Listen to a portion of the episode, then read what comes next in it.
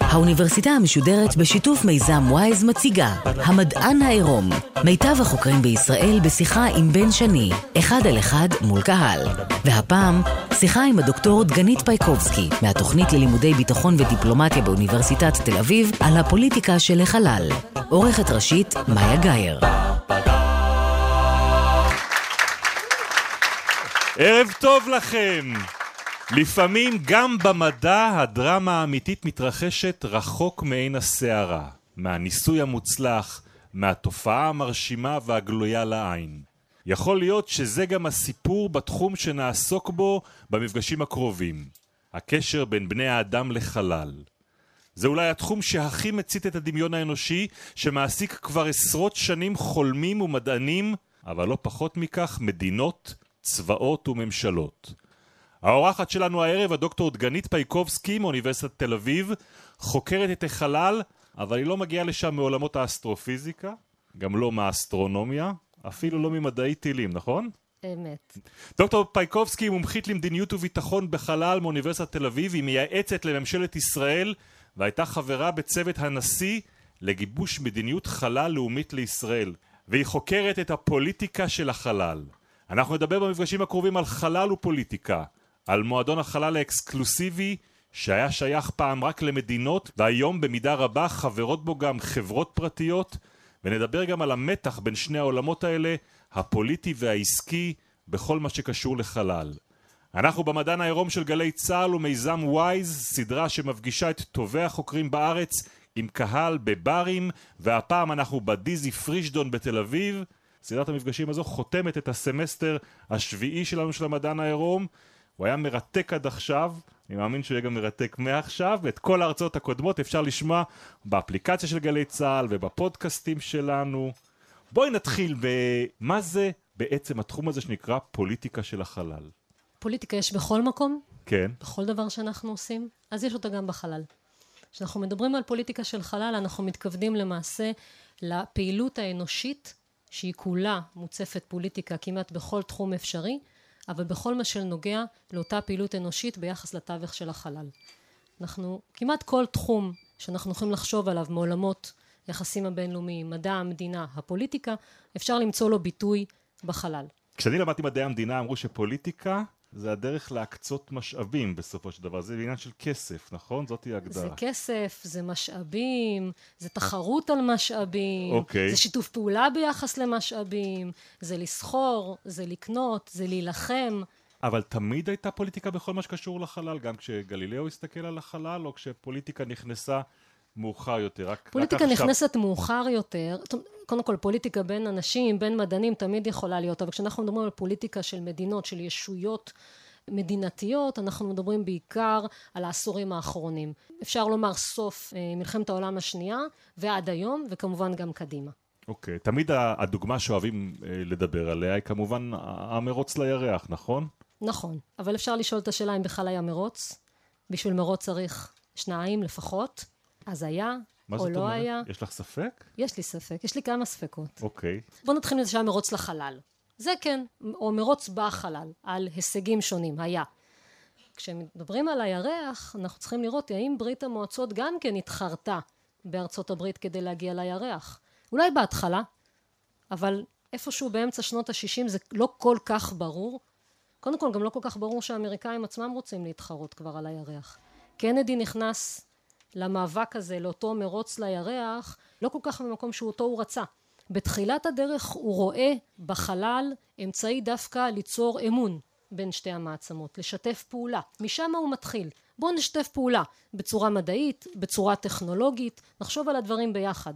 מהר מאוד כשהם חווים האמריקאים שורה של הפסדים, לאו דווקא כישלונות, אבל הפסדים, שבהם הם מגיעים מקום שני, מנוגד לחלוטין לתרבות האמריקאית, הם לא יכולים לעמוד בפני העניין הזה. קנדי אומר we will be second to none, אנחנו לעולם לא נהיה שניים, אבל מה לעשות, לוויין ראשון, בעל חיים ראשון, שיוט וידאו ראשון, המון המון דברים, כולל אדם ראשון, הם לא שלהם, של ברית המועצות. הרוסים עושים את זה קודם, ברית המועצות עושה את זה קודם. נכון. אוקיי. ואז באיזשהו שלב בעצם הוא נדחף לתוך העניין הזה. זה קורה אחרי השיגור המאוד מוצלח של גגארין ב-12 באפריל 1961.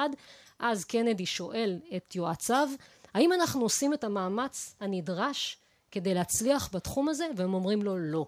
ומפה בעצם מתחילה התלבטות בממשל האמריקאי מה לעשות וכמה שבועות אחר כך הם בעצם מתחילים להוציא תוכניות שהיו קיימות כמובן קודם זה לא נוצר ככה על רגל אחת הוא מכריז את אותה הכרזה מפורסמת להגיע לירח עד סוף העשור אבל באיזשהו שלב כשהוא הופך להיות יותר בטוח בעצמו ולאט לאט בזירות אחרות לאו דווקא בתחום החלל האמריקאים מרגישים כבר שהם מבססים את עצמם מול ברית המועצות, למשל אחרי משבר הטילים בקובה, הוא כבר חושב אחרת, כי זה פרויקט אדיר, זה שואב המון כסף, זה שואב המון, המון משאבים. אנחנו מדברים על מיליארדים.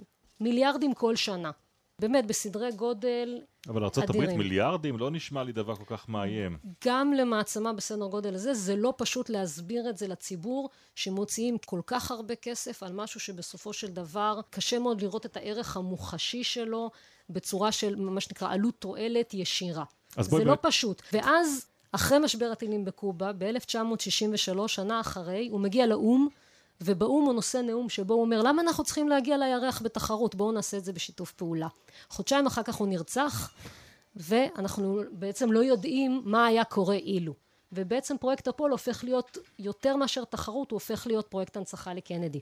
אבל לא יכול להיות שמשקיעים מיליארדים רק בשביל פרויקט הנצחה לקנדי ולא יכול להיות שעושים מאמץ כזה רק כי הרוסים הצליחו קודם לשלוח אדם לירח? מה בכל זאת המוטיבציה של מדינה ללכת למרוץ כזה? קודם כל יש כמה מוטיבציות בספרות המחקרית שאנחנו מסתכלים אנחנו רואים כמה נימוקים שמסבירים למה מדינות עושות את מה שהן עושות בפרויקטים מסוג זה. אנחנו רואים את ההסברים הביטחוניים, אנחנו רואים הסברים מעולם הכלכלה והפיתוח של מדינה, קיימים הסברים מדעיים, מדינות שיש להן עניין במדע וכמובן אנחנו רואים גם הסברים של גאווה לאומית, של מעמד, של מאבק בין מדינות על סטטוס, שיש לו ביטויים מוחשיים מאוד גם של עלות תועלת למדינות. עכשיו כשאנחנו רוצים לבדוק את זה ולראות למה מדינה ספציפית עושה את מה שהיא עושה כדאי להסתכל על תוכנית החלל שלה מה באמת היא עושה בסופו של דבר ואיפה הכסף הגדול ולפי זה אנחנו יכולים לראות גם את ההסברים. מה רוצה מדינה ששולחת אדם לחלל? מדינה ששולחת אדם לחלל לרוב אנחנו צריכים לחפש את זה בעולמות הציפייה של המדינה מעצמה להיות מעצמה ולהשפיע הרבה יותר מאשר הסברים ביטחוניים כלכליים ובוודאי מדעיים. איך אני הופכת להיות מעצמה אם אני שולחת אדם לחלל? אז מדינות שואלות את עצמן בכל תקופה נתונה מהם המשאבים באותו רגע נתון בהיסטוריה שכל המדינות מסכימות פחות או יותר שהם אלה שהם מהווים אינדיקציה להיותה של מדינה מעצמה. זאת אומרת זה סמל סטטוס. סוג של סמל סטטוס, אבל גם שיש לו באמת היבטים אמיתיים שנותנים עוצמה, גם צבאית, אבל עוצמה מהרבה מאוד סוגים, וגם עושר בעין. בתקופות שונות זה משתנה. ראינו פעם תותחים, ואחרי זה אה, אוניות מלחמה, ובעשורים האחרונים אנחנו מכירים את הנשק הגרעיני ככזה, ואנחנו מכירים את החלל ככזה. ובתקופה הזו שאנחנו מדברים עליה למעשה שתי מעצמות העל, ארצות הברית מצד אחד, ברית המועצות מצד השני, מייצרות תפיסה בפוליטיקה העולמית שחלל, טכנולוגיית חלל, אבל טכנולוגיית חלל משמעותית, כמו לשגר לוויינים, כמו לשגר אדם לירח ולמקומות אחרים, אלה אינדיקטורים מוחשיים ולא מוחשיים לעוצמה צבאית ואחרת ולעושר בעין. ברגע שהמדינות אחרות שותפות לאותה תפיסה חלק מהן רוצות גם וברגע שהן רוצות לחקות את המעצמות הדילמה פתאום מגיעה חזרה למעצמות למעצמות העל שאלה מה הן עושות עם זה אם הן פותחות והן אומרות אוקיי יופי אז שכולם ייהנו הן שוחקות את אותו יתרון יחסי שהם עבדו כל כך קשה בשביל להשיג אותו. אם הן סוגרות לגמרי את התחום הזה ולא מאפשרות לאף מדינה אחרת להיכנס פנימה, הן מפסידות. הן מפסידות את התמיכה של שאר העולם בהן. ואנחנו צריכים לזכור שבתקופת המלחמה הקרה הרעיון היה משחק סכום אפס מה שלא שלי של הצד השני אז הם בעצם התחרו על תשומת הלב של שאר מדינות העולם ולכן הן נמצאות בסוג של מלכוד מצד אחד הן צריכות להגביל ולשמור את הטכנולוגיה הזאת מאוד ייחודית רק להן מצד שני כדי שמדינות אחרות יתמכו בהן ייצרו הזדהות איתן והם יוכלו להגיד שהם בצד שלהן במערב או במזרח אז הן צריכות קצת לשתף פעולה ולכן הן מייצרות בסופו של דבר אסטרטגיה שהיא גם נותנת שיתופי פעולה, אבל היא גם מגבילה. מין איזון עדין כזה בין שני הדברים. התוצאה של זה שרק מעט מאוד מדינות, אלה שבאמת באמת רוצות, אלה שבאמת מוכנות לשים את הכסף ולהשקיע, כי חלק מהעניין היה שלא מממנים, לא מסבסדים תוכניות למדינות אחרות, התאמצו בשביל זה, רק מתי מעט באמת מגיעות לזה, וככה למעשה מתהווה במהלך שנות השישים מועדון שנקרא מועדון החלל, אז זה לא מרוץ בין שתי מעצמות, זה בעצם מרוץ רב מעצמתי. כל המדינות שרואות את עצמן ליד השולחן של המשילות העולמית בעצם מנסות להשיג תוכניות חלל בצורה זו או אחרת ומנסות למצוא דרך לשתף פעולה עם המעצמות כדי לקצר את הדרך ולעשות את זה כמה שיותר מהר ויעיל. את משתמשת במושג הזה מועדון ואת מדברת על איזשהו שולחן מה, יש כזה מקום בז'נבה שבו מתכנס מועדון החלל הזה? ממש לא. אתה יכול לשאול אותי בכלל, יש דבר יש כזה? יש דבר עם, כזה עם... מועדון? יש פה שאלה קצת מכשילה. כן. כי אין ארגון, אבל זה כן קיים. זה ממש קיים. אנחנו רואים את זה בהתבטאויות של מנהיגים, בהתבטאויות של אנשים שבאים מהתחום, התקשורת שמאמצת את זה. כמעט כל מדינה שמשיגה איזשהו הישג בתחום החלל, היא מתחרה במדינות האחרות על המספור. אתה יודע כמה ש... מדינות טוענות שהן היו שלישית בחלל? כמה? בריטניה טוענת שהיא השלישית בחלל, אבל כן. זה בגלל שהיא שמה רכיבים על לוויין אמריקאי. קנדה טוענת שהיא השלישית בחלל בגלל שהיא בנתה לוויין משלה והאמריקאים שיגרו אותו. צרפת טוענת שהיא השלישית בחלל כי היא הראשונה ששיגרה גם לוויין וגם עשתה את זה לבד. אז מי השלישית? אז איך בכלל מתקבלים למועדון כזה? או, אז נשאל את עצמנו... אם הוא לא קיים בכלל ו... ולא יודעים איך הוא נראה. אז אנחנו יכולים לשאול את עצמנו איך בכלל מתקבלים למועדון כלשהו. אוקיי. בדרך כלל יש שלושה שלבים. צריך להוכיח יכולת, כלומר להבין מהם תנאי הסף ולעמוד בהם, להגיש מועמדות וצריך להתקבל. אז בעולם של טכנולוגיה בין מדינות, וכשזה לא מועדון פורמלי, אז בואו נראה מה, מה האקוויוולנטי לאותם שלושה תנאים שהגדרתי. עמידה בתנאי הסף, צריך לפתח את היכולת, צריך יכולות עצמאיות שבאותו רגע נתון מוכרות כסף הכניסה. דברי איתי בשנים, מה סף הכניסה לצורך העניין בשנות ה-60? בתחילת שנות ה-60 אנחנו מדברים על אה, רקטות מטאורולוגיות, שזה בעצם רקטות שמגיעות לשולי החלל, 80 קילומטר פחות או יותר, אה, מגיעות עד לשם, זה מספיק. תוך שנים בודדות, סוף שנות ה-60 זה כבר לא מספיק. כי יותר מדי מדינות עשו את זה, הרף עולה בהדרגה. אז אנחנו כבר מדברים על שיגור עצמאי לחלל, או לפחות במינימום פיתוח עצמאי של לוויינים מתוחכמים בכמות סבירה. תסביר רגע את המושג הזה, מה זאת אומרת שיגור עצמאי? שיגור עצמאי, מדינה שיש לה את היכולת, יש לה משגר לחלל, שהיא פיתחה אותו. טיל? טיל, אני נזהרת. למה? כי טיל הוא טיל. אוקיי. עליו אתה שם, לצורך העניין, ראש קרב מכל סוג שהוא, קונבנציונלי או לא קונבנציונלי. בחלל אנחנו נורא רוצים לעשות את זה מה שנקרא peaceful. אוקיי, okay. אני אומר טיל ואת אומרת משגר, משגר אנחנו מדברים כן. על אותו דבר. אנחנו מדברים על כמעט אותו דבר, השאלה okay. אוקיי. מה יש בסוף. אוקיי. Okay. השלב השלישי שלו, זה מה שמבדיל טיל ומשגר. אז, אז אני מעדיפה להישאר עם המשגר. אז היינו ביכולת שיגור עצמאית. נכון. תתקדמי איתי שנים קדימה, מה היום סף הכניסה למועדון החלל? משתנה. אפשר לחשוב על כמה דברים, זה גם קצת מכניס שאלה של מה עושה השוק הפרטי. מה מבדיל מדינה מהשוק הפרטי? אז בגדול אנחנו, א', נשים את זה במקום שזה מה שמדינות יכולות להציע, להבדיל מהשוק הפרטי, וזה משהו שמתי מעט יכולים לעשות אותו. אנחנו בעיקר מדברים על תשתיות, למשל מערכות ניווט לווייניות. זה אחד. שניים, יכולת מאוישת, זאת אומרת לשגר אנשים לחלל. אתה יכול לעצור אותי ולהגיד רגע רגע השוק הפרטי כבר כמעט שם, אוקיי? אז אנחנו מן הסתם נראה בשנים הקרובות שגם זה מתחיל להשתנות וזה גם כן כבר לא יהיה רף הכניסה אולי רף הכניסה למדינות יהיה לשגר אנשים למסלולים רחוקים יותר לקבועי זמן ממושכים יותר, לייצר תחנות חלל פעילות קבועות, לייצר בסיס על הירח. בעתיד אנחנו נראה את הסף עולה עוד יותר ליכולת להפיק משאבים ממה שנמצא בחלל, אסטרואידים, ירח וכולי, זאת אומרת ככל שאנחנו מתקדמים ככה הרף הולך ועולה, כל עוד למעצמות יימשך העניין והתמריץ לשמר את המועדון הזה. הגדרת עכשיו מהו בעצם סף הכניסה. נכון. אמרת השלב השני הוא מהו בקשת חברות? הגשת מועמדות, המדינה צריכה להגיד אני רוצה להצטרף למועדון או אני הצטרפתי ואת זה אנחנו רואים בטרמינולוגיה שהמדינה משתמשת אנחנו רואים הרבה מאוד מדינות, באמת, ביום שבו הן למשל משגרות את השיגור הראשון שלהם, אנחנו רואים את הדרג המדיני מתגאה, הנה, נכנסנו למועדון. עכשיו מה היא צריכה? היא צריכה okay. אוקיי. אישור מוועדת הקבלה שהיא אכן נכנסה. מי זאת הוועדה הזאת? אם אין לנו מאוד, אמרנו כבר אין כזה ארגון וזה לא פורמלי, אנחנו צריכים לראות מי הם שומרי הסף. שומרי הסף הם מעצמות העל. הם אלה שמגדירות את הכניסה, הם מנהלות את העסק, הם כל פעם מעלות את הרף, והם ועדת הקבלה. יש לך דוגמה איך נראית ועדת קבלה כזאת? איך מדינה קיבלה את החותמת שהיא נכנסה למועדון? אני אתן לך שני מקרים. אחד, מקרה שבו מדינה עשתה את כל מה שצריך ולא נכנסה, ומקרה אחר שמדינה עשתה את כל מה שצריך וכן נכנסה. אוקיי. Okay. אנחנו הולכים לא כל כך רחוק, לא למלחמה קרה, דווקא לשנים האחרונות, אוקטובר-נובמבר 2012, צפון קוריאה משגרת לוויין לחלל ואפילו מכריזה. מה היא מקבלת בחזרה מוועדת הקבלה? גינויים.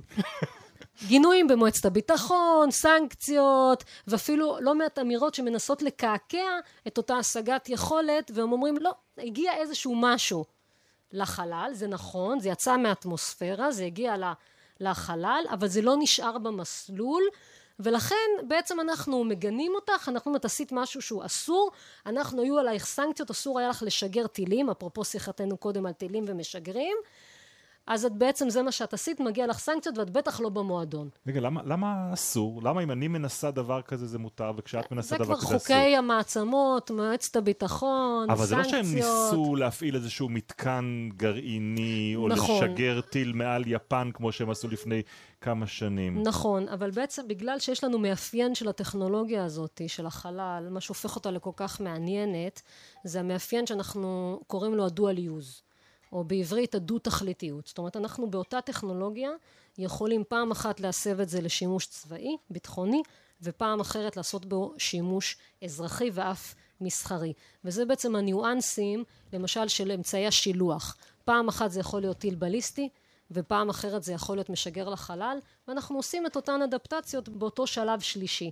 אז הטענה כלפי צפון קוריאה הייתה שאסור לה לשגר טילים בליסטיים כי ככה קבעה מועצת הביטחון והטילה עליה סנקציות, אז היא מנסה להוכיח את אותה יכולת, להעביר את אותו מסר של מסוגלות והרתעה, דרך שיגור לחלל, שהוא לכאורה לא נאסר, כי הוא לא אגרסיבי, כי הוא לא צבאי, אבל כולם מבינים את המסר. אז היא לא התקבלה. חודשיים אחר כך, 31 בינואר 2013, דרום קוריאה עושה בדיוק את אותו דבר, משגרת לוויין לחלל, אבל היא שחקנית, חיובית, היא לא מאיימת על אף אחד, היא משתפת פעולה, היא אפילו בדרך כלל בצד של המערב. הפלא ופלא, היא מקבלת ברכות. התקבלת למועדון, אנחנו מברכים אותך על השגת היכולת. עכשיו, לא רק שזה בא לידי ביטוי בברכות, היא גם מקבלת את זה בפועל כשהם משתפים איתה פעולה, מציעים לה לעשות שיתופי פעולה. רגע, מי מברך? יש יושב ראש הוועד של המועדון? לא, לא? צריך. צריך את השחקנים השחקנים המשמעותיים. אוקיי. ארצות הברית מברכת, ראש נאס"א, סוכנויות חלל אחרות, מהאו"ם. אגב, אותם דברים אני ראיתי כשחקרתי את תוכנית החלל של ישראל ונברתי בארכיונים, כן. ופתאום ראיתי את הניירת של הברכות שהתקבלו בסוכנות החלל של ישראל בספטמבר 1988, אחרי שישראל שיגרה את הלוויין הראשון שלה. קיבלנו ברכות מארצות הברית, מג'ורג' שולץ, מזכיר המדינה, כתב ברכה מאוד יפה. התקשורת האמריקאית שממש הכתירה את זה כניסה למועדון. ישראל אה, שיגרה, את אומרת, הייתה לה יכולת שיגור עצמאית, זה לוויין ששוגר כאן מהארץ. שוגר מישראל, מחופי ישראל, 19 בספטמבר 1988, מה שנקרא מסלול קרוב לכדור הארץ, שזה סדר גודל של עד אלף קילומטר, אוקיי. קצת יותר. ואם ישראל משגרת לוויין למסלול של אלף קילומטרים, מה כמה בדיוק... מאות, עד אלף. במקרה הישראלי כמה מאות. מה היא רוצה שלוויין כזה יעשה? במקרה של ישראל, אם שאלנו קודם, אז בואו נבהיר, ישראל לא מפתחת את אותן יכולות שהן באמת יכולות מעצמתיות ממניעים של בואו נצטרף למועדון כי זה נחמד, אלא באמת מסיבות ביטחוניות מאוד מאוד ברורות של צורך במודיעין. זה נובע מחתימת הסכמי השלום עם מצרים. בסוף שנות ה-70 ישראל בעצם מבינה שהיא הולכת לאבד נכסי מודיעין שנמצאים בסיני שמאפשרים לה לדעת מה קורה במצרים. אחרי שמדינת ישראל חטפה את אותו הלם של מלחמת יום כיפור עם הפתעה אסטרטגית הסכם שלום זה יפה אבל צריך לוודא שהוא באמת נאכף. ועדיין צריך לדעת מה קורה במצרים כדי לראות שלא באיזשהו יום בעצם מכינים לנו הפתעה אה, נוספת עכשיו ברגע שאמורים לפי הסכם השלום להשיג כוחות מסיני, סיני יהיה אזור מפורז וכשיש הסכם שלום אז גם לא מפרים ריבונות של מדינה, זה אומר שאי אפשר לטוס מעל אותה מדינה ולעשות טיסות צילום, אז מה, מה האפשרויות בעצם? ובאמ"ן מקימים כמה צוותי מחשבה, אחד מהם הוא צוות טכנולוגי, וההמלצה של אותו צוות, לוויינות. למה? אפשר להשיג מודיעין בצורה איכותית וטובה, ושוב אנחנו מגיעים לסוגיית הפוליטיקה. פוליטיקה בין מדינות קבעה בשלבים הראשונים של המרוץ לחלל, שבחלל אין ריבונות. ולכן אם מדינה משגרת לוויין והלוויין הזה עובר מעל שטחים של מדינות אחרות, כולל יריבות ואויבות, אין פה הפרת ריבונות, ומפה ממליצים על לוויין. נקצר, לא ניכנס לכל הסיפור, אבל זו תחילת הדרך של תוכנית החלל של ישראל. וככה למעשה אנחנו מתגלגלים לתוך המועדון ב-88 ומקבלים את אותה קבלה יפה שגם מדינות אחרות זוכות לה. את אומרת הפוליטיקה קבעה שבחלל אין ריבונות. איפה נקבעו הדברים כאלה? יש חוקים שמסדירים את הפעילות בחלל? זה עוד תחום, כן? שאנחנו מדברים על פוליטיקה, מה מותר ומה אסור. אז את רוב הכללים של המותר והאסור אנחנו צריכים לשאול את עצמנו אם הם כללים, קודם כל אם הם כללים מחייבים או לא. מחייבים, כלומר לפי המשפט הבינלאומי, אז יש לנו חמש אמנות כאלה, שנקבעו גם כן במלחמה הקרה, אזור שנות ה-60, שנות ה-70, אבל אותו עניין של קביעת ריבונות היה כבר בשנות ה-50, בוועדת החלל של האו"ם, שהקימה ארצות הברית, אחר כך הצטרפה גם ברית המועצות, זה נקרא קופוס, הוועדה לשימושים שלומניים בתחום החלל, ושיש ויכוח כמובן מה זה שלומני, אבל שם הם בעצם קובעים את אותם כללים שחלים עלינו עד היום. ואז האמנה הראשונה מגיעה ב-1967, אמנת החלל החיצון, אם תרצו המגנה קרתא של המותר והאסור בתחום החלל. מה מותר, מה אסור? קודם כל זה קובע שהחלל לא שייך לאף אחד, וזה מאוד מאוד משמעותי. כולם יכולים להשתמש וזה לא שייך לאף אחד. אחרי זה זה קובע שמותר להשתמש בחלל רק למטרות שלום, אבל אף אחד לא מגדיר לעומק מה זה למטרות שלום, וזה נתון לפרשנות.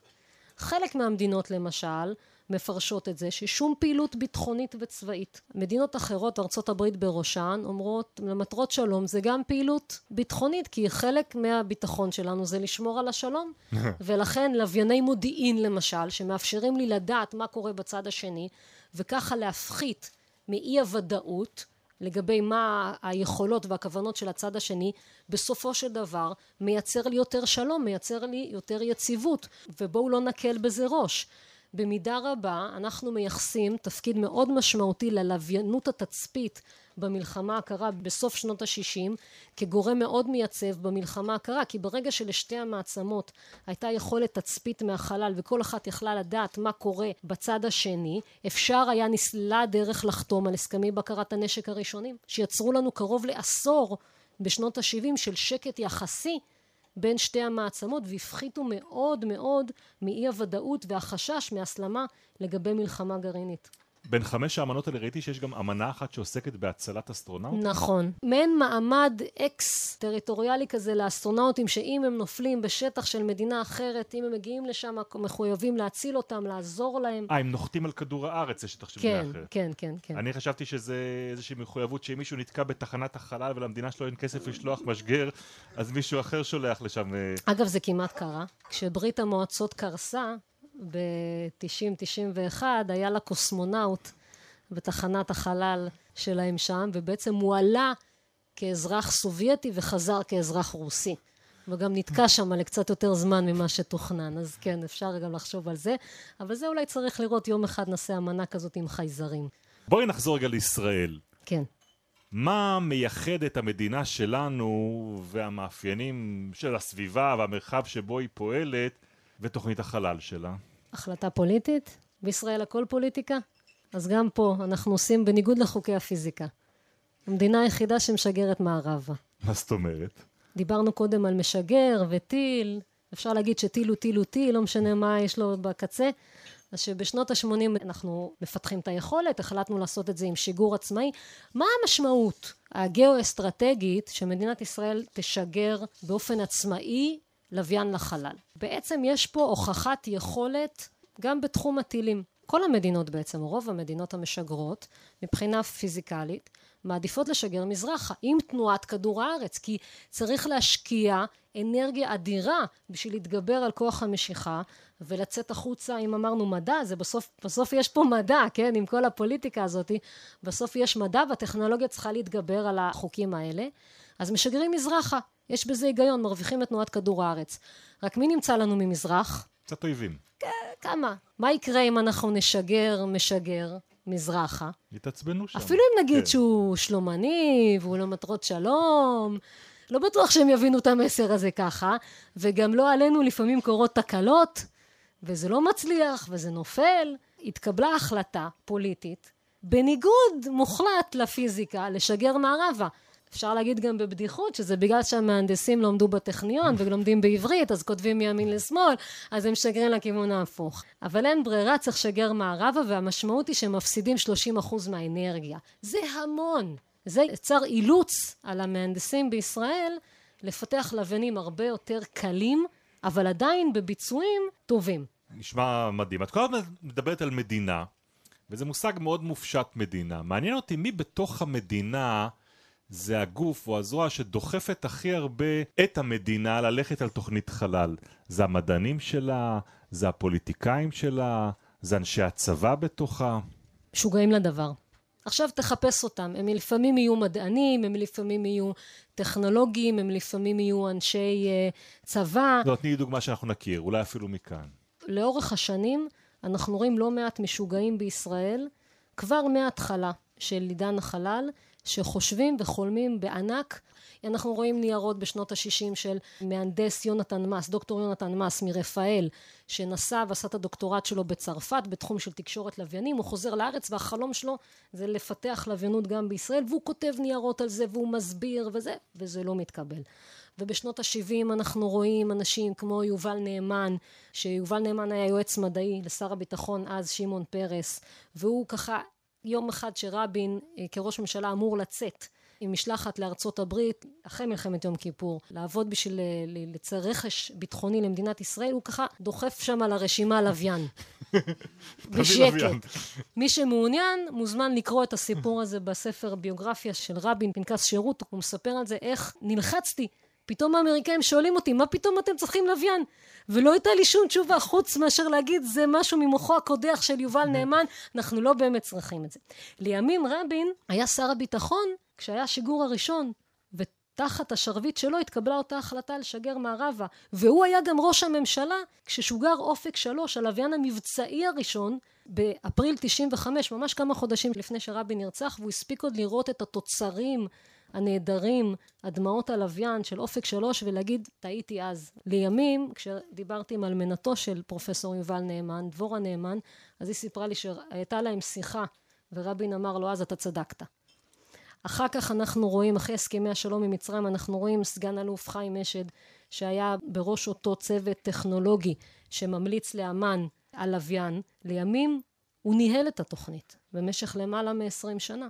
זו הקבוצה שעל משוגעים לדבר, ובעצם אנחנו רואים כמעט בכל מדינה היו משוגעים כאלה. זאת אומרת, גם בארצות הברית, כשאנחנו מתייחסים לתוכנית החלל שלה כאל עניין אסטרטגי, ודיברת על נשיאים ועל מלחמה קרה ועל הכל, בסופו של דבר, זה כמה משוגעים לדבר שדוחפים את המעצמה הזאת לשם? הם דוחפים, אבל הם, אין להם ברירה, הם חייבים בסופו של דבר להגיע לאותם מקבלי החלטות ולרתום אותם. פה באמת אנחנו גם יכולים לראות את ההבדל בין מדינה טוטליטרית ומדינה דמוקרטית פתוחה.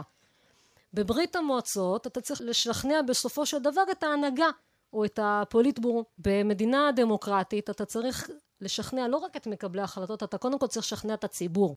פון בראון למשל, שהוא אמון על פיתוח המשגרים בארצות הברית, זה היה החלום שלו מאז שהוא היה ילד. רצה טיל. רצה טיל. אוקיי. זה מה שהוא רצה, רצה לשגר. ואז פון בראון, כשהוא מנסה ומנסה ומנסה, הוא לא היחיד, אבל בוא רגע נתמקד בו כמקרה, הוא מנסה ומנסה לשכנע בדרג הגבוה בשורות הצבא האמריקאי ויותר מזה, והוא לא מצליח. אז מה עושה פון בראון? מה עושים במדינה דמוקרטית? הולכים לציבור. למי הוא חובר באותה תקופה? מי הכי חזק? וולט דיסני.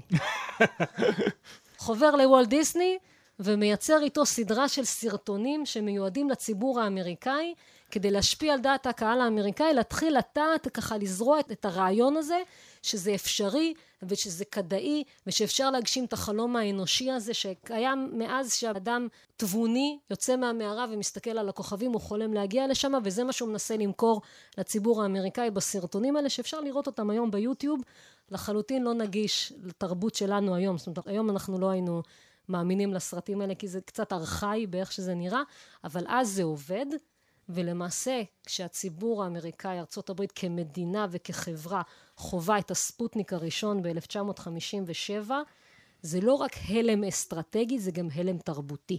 מה פתאום הם השיגו אותנו ואנחנו לא היינו שם, והציבור האמריקאי בשל לזה, כי טפטפו לו את הרעיונות האלה קודם, כי הוא גם בעצמו חולם על זה ורוצה, ואז משם זה מתחיל.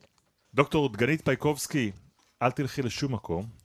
אנחנו נפרדים עכשיו מהמאזינים שלנו בגלי צה"ל, הם ישובו לשמוע את המשך המפגש איתך בשבוע הבא. אנחנו נשארים כל הזמן עד אז בבר פה בתל אביב, רק נגיד לכולם לפני זה, לילה טוב.